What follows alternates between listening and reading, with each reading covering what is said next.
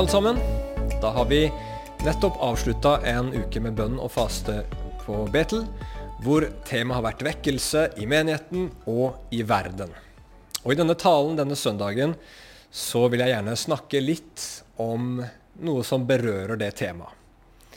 Overskriften i dag er 'De gode nyhetenes kirke'.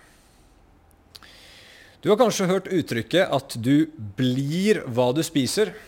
Og det er jo faktisk bokstavelig talt sant. Det som du tar inn i kroppen din, er det kroppen din bruker til å bygge muskler og sener og skjelett og alt det du består av.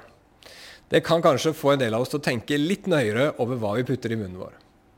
På samme måte så er det også sånn at du og jeg blir forma av det vi tror på. Det påvirker holdningene våre, og det påvirker handlingene våre. Hvis du tror at det er gasslekkasje i huset, ja, da kommer du deg ut derfra så fort som mulig. Hvis du tror at noen mennesker er bedre enn andre, så gjør det noe med hvem du vil bli sett sammen med.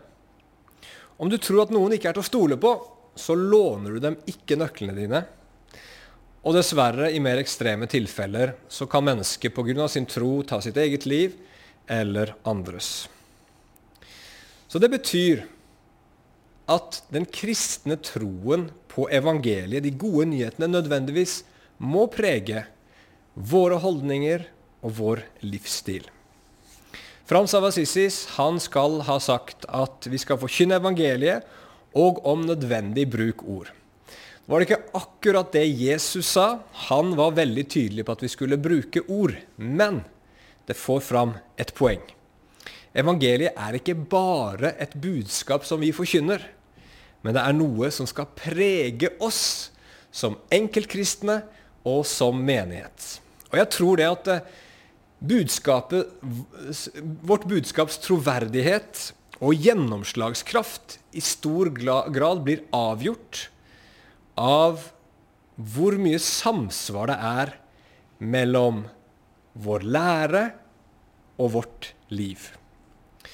En evangelist som heter Gypsy Smith, han skal ha sagt det fins fem evangelier. Matteus, Markus, Lukas, Johannes og den kristne. Men de aller fleste mennesker har aldri lest de første fire. Mennesker leser nemlig våre liv. Derfor så må evangeliet både forkynnes og leves. Og I denne talen her så hadde jeg tenkt til å se på tre måter som evangeliet må prege Guds menighet på. Mye av det her har jeg henta fra en bok som heter 'Center Church' av Tim Keller. Og den eh, anbefaler jeg varmt alle, for alle som klarer å lese engelsk. Og der så løfter Tim Keller, forfatteren, fram tre aspekter ved evangeliet som skal munne ut i spesielle trekk ved menighetslivet. Og Her er de tre punktene. Evangeliet er for det første at Guds sønn kom ifra himmelen, uttømte seg selv og ble en tjener i Jesus Kristus. Nummer to Jesus døde på korset for oss som et stedfortredende offer. Og nummer tre han sto opp fra graven som førstefrukten, som Bibelen sier, av en helt fornya verden. Ut fra disse tre grunnleggende elementene i vårt budskap så skal vi se at en kirke som er prega av evangeliet, må være en opp-ned-kirke, en innsiden-ut-kirke og en framover-tilbake-kirke. Og Hva i all verden betyr det? Jo, Det skal vi forklare litt etter hvert. Men la oss be en liten bønn sammen først. Kjære himmelske Far, takk for de gode nyhetene som du har eh, gitt oss gjennom det Jesus har gjort for oss. Jeg har bare lyst til å be om at du skal hjelpe meg til å formidle hvordan det skal se ut i våre liv. Hvordan du ønsker at det skal se ut i våre liv. Herre, hjelp meg nå og nå alle de som sitter og ser på denne videoen akkurat nå. I Jesu navn. Amen. Ok, punkt nummer én. En kirke som lever i evangeliet, må være en opp-ned-kirke. Det at Jesus forlot sin himmelske herlighet, kom inn i denne verden som en tjener for å lide og dø for våre synder, det bør ha en sterk innvirkning på oss som kristne. I Filippebrevet så skriver Paulus i det andre kapittel og vers 5-11.: La dette sinn være i dere som også var i Kristus Jesus. Han som var i Guds skikkelse, holdt det ikke for et tilranet gode å være lik Gud, men han uttømte seg selv, tok på seg en tjeners skikkelse og kom i menneskers likhet. Og da han i sin framtreden var funnet som et menneske, fornedret han seg selv og ble lydig til døden, ja, til døden på korset.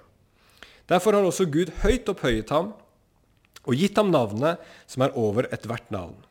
For at Jesu navn skal hvert kne bøye seg, dere som er i den himmelske verden, og dere som er på jorden, og dere som er under jorden. Og for at hver tunge skal bekjenne at Jesus Kristus er Herre, til Gud Faders ære. Så det Paulus sier her, er at vårt sinnelag som kristne må være prega av det at Jesus gjorde seg liten og svak, at han forlot sin rikdom og herlighet, og at han ble en tjener og ofra sitt liv. Og Dette her er ikke bare gode dyder som vi trenger å etterfølge, men dette er måten Jesus seira på. Han seira ved å bøye seg ned og bli liten. Og det her er jo helt motsatt av hvordan denne verden tenker. Her søker man storhet og makt. Rikdom vil man ha. Man ønsker å bli tjent, og man ønsker å bli beundra. Man ønsker å ha gode og komfortable liv for seg sjøl. Og så tenker man at det er på den måten at man skal seire. Og Derfor så ser vi at Jesu vei er helt opp ned. Og hvordan skal dette opp-ned-prinsippet prege oss som kristne og bli en demonstrasjon av evangeliet? Jo, for det første så må dette føre til at en kristen kirke har et dypt og ekte fellesskap. Fellesskap det er fantastisk fint, men det er også veldig, mange, veld, veldig vanskelig. Det fins nemlig mange mennesker, eller noen, det varierer litt, som vi ikke går så godt sammen med, og noen som virkelig går oss på nervene. Nervene, nervene beklager. Derfor så søker vi fellesskap med de som allerede ligner på oss. Og For noen så kan det også være litt pinlig å bli assosiert med en viss gruppe mennesker, for det er dårlig for deres image og selvforståelse. Det er også sånn at fellesskap kan føre til konflikt og ubehagelige situasjoner. Så Derfor så er det mange mennesker også som unngår å gå for dypt inn i fellesskap. Men det skal være annerledes i Guds rike. For Jesus han kom ikke for å bli tjent, men han kom for selv å tjene. Og Derfor må vi også være villige til å ofre vår komfort, våre personlige preferanser, for å leve i et varmt fellesskap hvor vi inkluderer alle våre brødre og søstre. Økonomisk situasjon, hudfarge, kulturell bakgrunn, sosial status osv. osv. skal ikke ha noen betydning i Guds menighet. Og så skal det også være sånn at vi tilgir hverandre, sier Bibelen, og bærer over med hverandre når vi gjør urett mot hverandre. Dette her er noe vakkert og unikt som denne verden definitivt lengter etter, men ikke får til men som allerede nå er synlig i Guds menighet, og som Jesus vil at skal bli enda mer synlig. For det andre så må en kristen kirke ha kontakt med dem som ingen ønsker å ha noen ting å gjøre med. Når det står i Bibelen at Jesus han var tolleres og synderes venn, så handler ikke det bare om at han var sammen med de som etter jødenes lov ikke levde så bra. Det handler om at han var sammen med en gruppe som var utstøtt. De ble sett på som sosialt underlegne og uverdige. Så det betyr at Skal du følge Jesus i dag, så er det ikke bare viktig å ha ikke-kristne venner, men du og jeg trenger å danne vennskap og bry oss om og være sammen med de som er nederst på rangstigen i vårt samfunn, de som blir sett ned på andre. Det ville Jesus ha gjort. For det tredje så må et kristent fellesskap, fordi det er et opp-ned-fellesskap, være prega av radikal givertjeneste. Når Jesus ga seg selv for oss, hvordan kan vi da annet enn å gi oss selv til Han? Og det innebærer jo selvsagt også økonomien vår. Og da handler det, som Bibelen sier, om å gi til menighetens arbeid. Men det er like viktig at verden rundt oss erfarer at vi gjenspeiler Jesu egen sjenerøsitet. At vi ligner på Jesus når det gjelder det her. Det henger jo ikke på greip hvis vi sier at Jesus er det viktigste i livet vårt, og at vi har vår skatt i himmelen, og så klamrer vi oss til pengesekkene våre. Og for det fjerde, en kristen kirke må være villig til å lide. Å elske mennesker og tjene andre, det vil innebære lidelse på forskjellige måter. Å gi av seg selv og sine ressurser det blir ikke alltid tatt mot med takknemlighet. Det har kanskje noen oppdaga. Og noen ganger kan man til og med oppleve at det man gir, blir forkasta, og at man selv også blir forkasta. Da er det veldig lett å si nei, da gidder jeg ikke mer.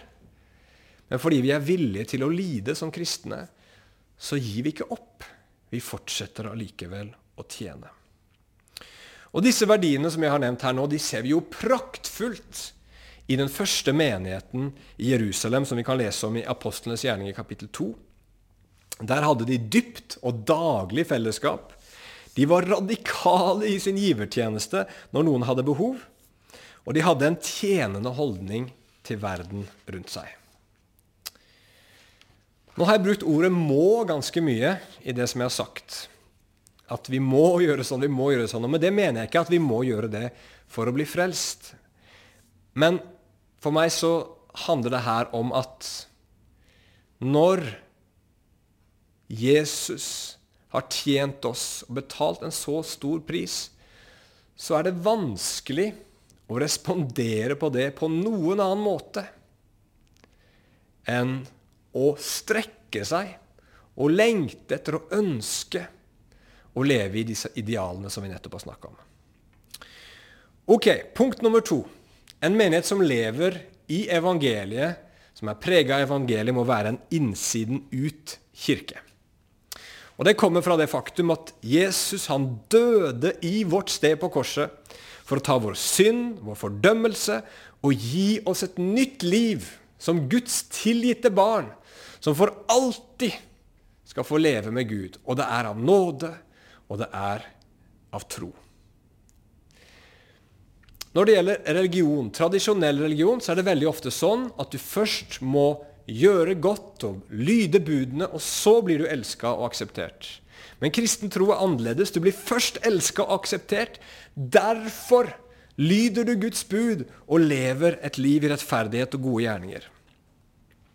Og Paulus i 2. Korinterbrev 5, vers 12-20, så snakker han om at det er det indre, ikke det ytre, som teller i relasjon til Gud.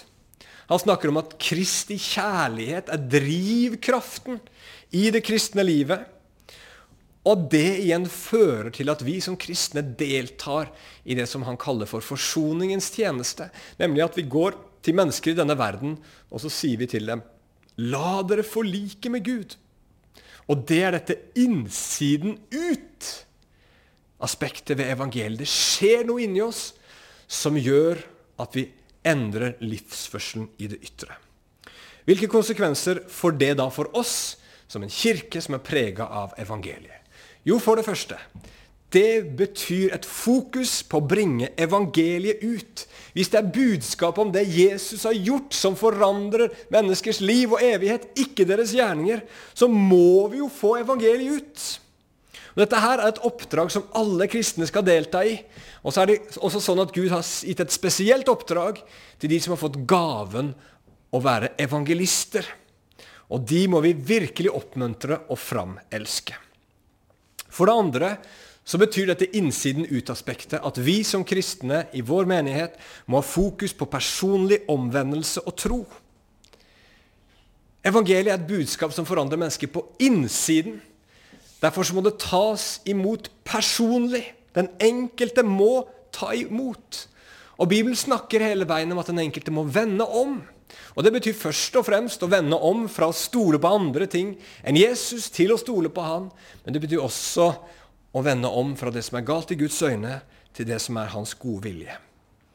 Og en menighet som har forstått dette innsiden ut-prinsippet, vil legge stor vekt på at mennesker tar et personlig valg i forhold til Jesus. Nummer tre det betyr også at vi har tro på karismatisk erfaring og vekkelse. Bibelen er tydelig på at evangeliets effekt er noe som er merkbart i livene våre. 1. Peter 2,3 så snakker det om at vi kan smake og se at Herren er god. I Romerne 5,5 så snakker det, snakkes det om at Guds kjærlighet er utøst i våre hjerter ved Den hellige ånd, som er oss gitt. Det skjer noe på innsiden, og det må skje noe på innsiden. Og vi vil ha mer av det fordi vi tror at evangeliet er innsiden ut. Dette vil vi ha mer av. Og da, for det fjerde, så er det viktig med bønn. Dette her handler jo om noe som er overnaturlig. Det er Gud selv som må åpne ikke-kristnes hjerter. Og vi kristne trenger stadig vekk Den hellige ånds hjelp for å se rikdommen i evangeliet. Og da er bønn sentralt. Her ber vi når vi ber om at Gud gjør det vi ikke kan gjøre. For disse tingene her, det som evangeliet til syvende og sist gjør i et menneskes liv, det kan ikke verken godt lederskap eller god forkynnelse alene gi oss. Vekkelse er jo et ord som har fått litt hard medfart de siste årene, men det er et bibelsk konsept. Det er bare at ordet ikke brukes i Bibelen. Men når mange mennesker på en gang våkner opp fra døde og kommer til tro, og når mange kristne på en gang blir begeistra for Jesus og evangeliet og begynner å leve fornya liv for han, ja, det er vekkelse, og det ser vi mange, mange steder i Det nye testamentet. Og for det femte innsiden ut-perspektivet betyr at motivasjon for deg og meg som kristne til å leve et hellig liv og til å tjene Gud, er bygd på Guds kjærlighet. Og Da skal jeg sitere fra den boka som jeg nevnte i stad, av Tim Keller. Han sier det er unøyaktig å tenke at evangeliet er det som frelser ikke-kristne, og så vokser kristne gjennom å prøve hardt å leve etter de bibelske prinsippene. Det er mer riktig å si at vi blir frelst gjennom tro på evangeliet og så blir vi forvandlet i hver del av våre sinn, hjerter og liv ved å vokse inn i en dypere tro på evangeliet etter hvert som årene går. Og så er det siste og tredje punktet mitt. En menighet som er prega av evangeliet, er en framover tilbake-kirke. Alle kristne har til alle tider venta på Jesu gjenkomst, og for oss pinsevenner så har dette vært en viktig del av både vår tro og vår forkynnelse. Jesus skal komme tilbake, og han skal bringe fred og rettferdighet, og så skal han fornye alt. Og Det er vårt levende håp som vi ser fram til, men det er også noe som har aktualitet her og nå. Det handler ikke bare om framtiden, men det handler om våre liv i dag. Og Det er derfor vi bruker dette uttrykket 'framover tilbake'. Det som en dag skal skje, skal allerede nå prege våre liv. Og Et godt eksempel på det finner vi i 2. Peter 3,11. Og Der sier han Derfor, siden alt dette skal gå i oppløsning, hvor mye mer bør dere ikke da holde ved i en hellig ferd og gudsfrykt, mens dere venter på og framskynder Guds dags komme? På den dagen skal himlene fortæres av ild, og elementene skal smelte med brennende hete. Men etter hans løfte ser vi fram til nye himler og en ny jord, der rettferdighet bor. Derfor, mine kjære, når dere venter på alt dette, legg da vind på å bli funnet i fred av ham, uten flekk og lyte. For Peter så betyr Jesu gjenkomst at vi lever annerledes her og nå. Og I de versene her så fokuserer han spesielt på en hellig livsførsel, og det er enormt viktig. Men det har også et par andre implikasjoner som jeg har lyst til å nevne. For det første fordi vi tror på et framover-tilbake-perspektiv i evangeliet, så tror vi på at Guds rikes realiteter er tilgjengelige her og nå. Da Jesus kom til jorden, så forkynte han at Guds rike var kommet nær. Det var ikke ennå her fullt ut, men det var nær, fordi kongen i riket var kommet til jorden. Og En viktig, viktig demonstrasjon av Guds rikes nærhet som vi leser om i, i evangeliet, det var de tegn og under som fulgte med Jesu tjeneste. Og Når Jesus hadde dødd og stått opp igjen og for opp til himmelen, så var det disiplene som ble sendt ut, og de også forkynte evangeliet, og så fulgte disse tegnene og undrene med. Og vi tror, vi kristne, på et kommende rike hvor all sykdom skal forsvinne, og alle onde makter skal slutte å, prege menneskers liv, men de skal bli beseira i Kristus, så tror vi at det at Jesus allerede nå bor midt iblant oss som Guds folk, det skal prege allerede våre liv og våre menigheter her og nå. Helbredelse, at onde krefter og bånd og lenker bryter taket. Det skal allerede nå prege oss som kristne. Det blir delvis, det blir ufullkomment, for vi er ikke ennå i fullendelsen av riket. Men vi forventer at det som er der framme, allerede nå skal være synlig. Så dette her ber vi for. Vi ber for å forvente at Gud skal gjøre mirakler som herliggjør Jesus og peker på det som kommer. For det andre så betyr dette framover tilbake-perspektivet at vi vil kjempe for rettferdighet. Vi vet at Jesus kommer for å ta et endelig oppgjør med all urett og ondskap. Og da kan vi ha frimodighet til å kjempe ved hans side allerede nå. Og samtidig så mister vi ikke motet når ting går sakte og ikke blir sånn som vi ønsker. Fordi vi vet at en dag kommer da alt kommer til å bli bra og satt i rett stand. Så dette her gir både oss kristne motivasjon og mindre frustrasjon i arbeid mot utnyttelse av mennesker, korrupsjon, abort, fattigdom og andre onder som denne verden her er full av. Og For det tredje så betyr dette her engasjement i samfunnet. Fordi Jesus er den rettemessige kongen. Han er på vei, og han kommer en dag så er det ingen grunn for oss å trekke oss tilbake og la verden bare seile i sin egen sjø. Nei, en menighet som venter på Jesu gjenkomst, vil arbeide her og nå for fellesskapets beste. Det vil si at vi som kristne må engasjere oss i politikk, i kultur og i våre lokalsamfunn. Og det faktum at vi tror at Guds rike er nær, men ennå ikke kommet med kraft, gjør og dette er bra. At vi med god samvittighet kan gjøre så godt vi klarer i denne verden. Uten å ha urealistiske forventninger som vi ikke klarer å oppfylle. Og Samtidig så kan vi da engasjere oss helhjerta for at mennesker rundt oss skal ha det så godt som mulig. Det er det kong Jesus en dag skal bringe, og det vi vil nå forsøke så godt vi kan, og så langt det er mulig, å gjennomføre i denne verden. Så evangeliet det er fantastisk gode nyheter. og Jeg blir ikke lei av å tenke på det, jeg blir ikke lei av å se inn i det. Jeg blir ikke lei av å fylle med det.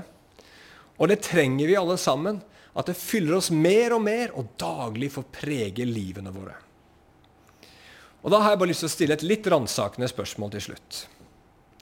Merkes det i våre liv at vi tror på dette rike og herlige evangeliet. Bærer det noen frukt i våre menigheter? Eller lever vi som de fleste andre, som tenker at denne verden er endestasjonen? De gode nyhetene er ikke så viktige, og målet for våre liv det er vår egen nytelse og suksess her og nå. Eller lever vi som tjenere? Kaller vi mennesker til omvendelse og er fulle av forventning til det som skal komme. Jo mer evangeliet får prege livet ditt, jo mer blir svaret det siste. Så la virkelig dette gode budskapet få bli stort for deg og prege ditt liv enda mer. La oss be en liten bønn til slutt. Herre, vi takker deg for dette vidunderlige, nydelige, rike evangeliet. Og vi ber i Jesu navn at du ved din Hellige Ånd skal åpenbare det for din menighet og at mange mennesker som ikke tror i dag, også skal få se det og ta imot og bli frelst og være med på det som kommer, og som allerede nå har begynt. Vi ber om det i Jesu navn. Amen.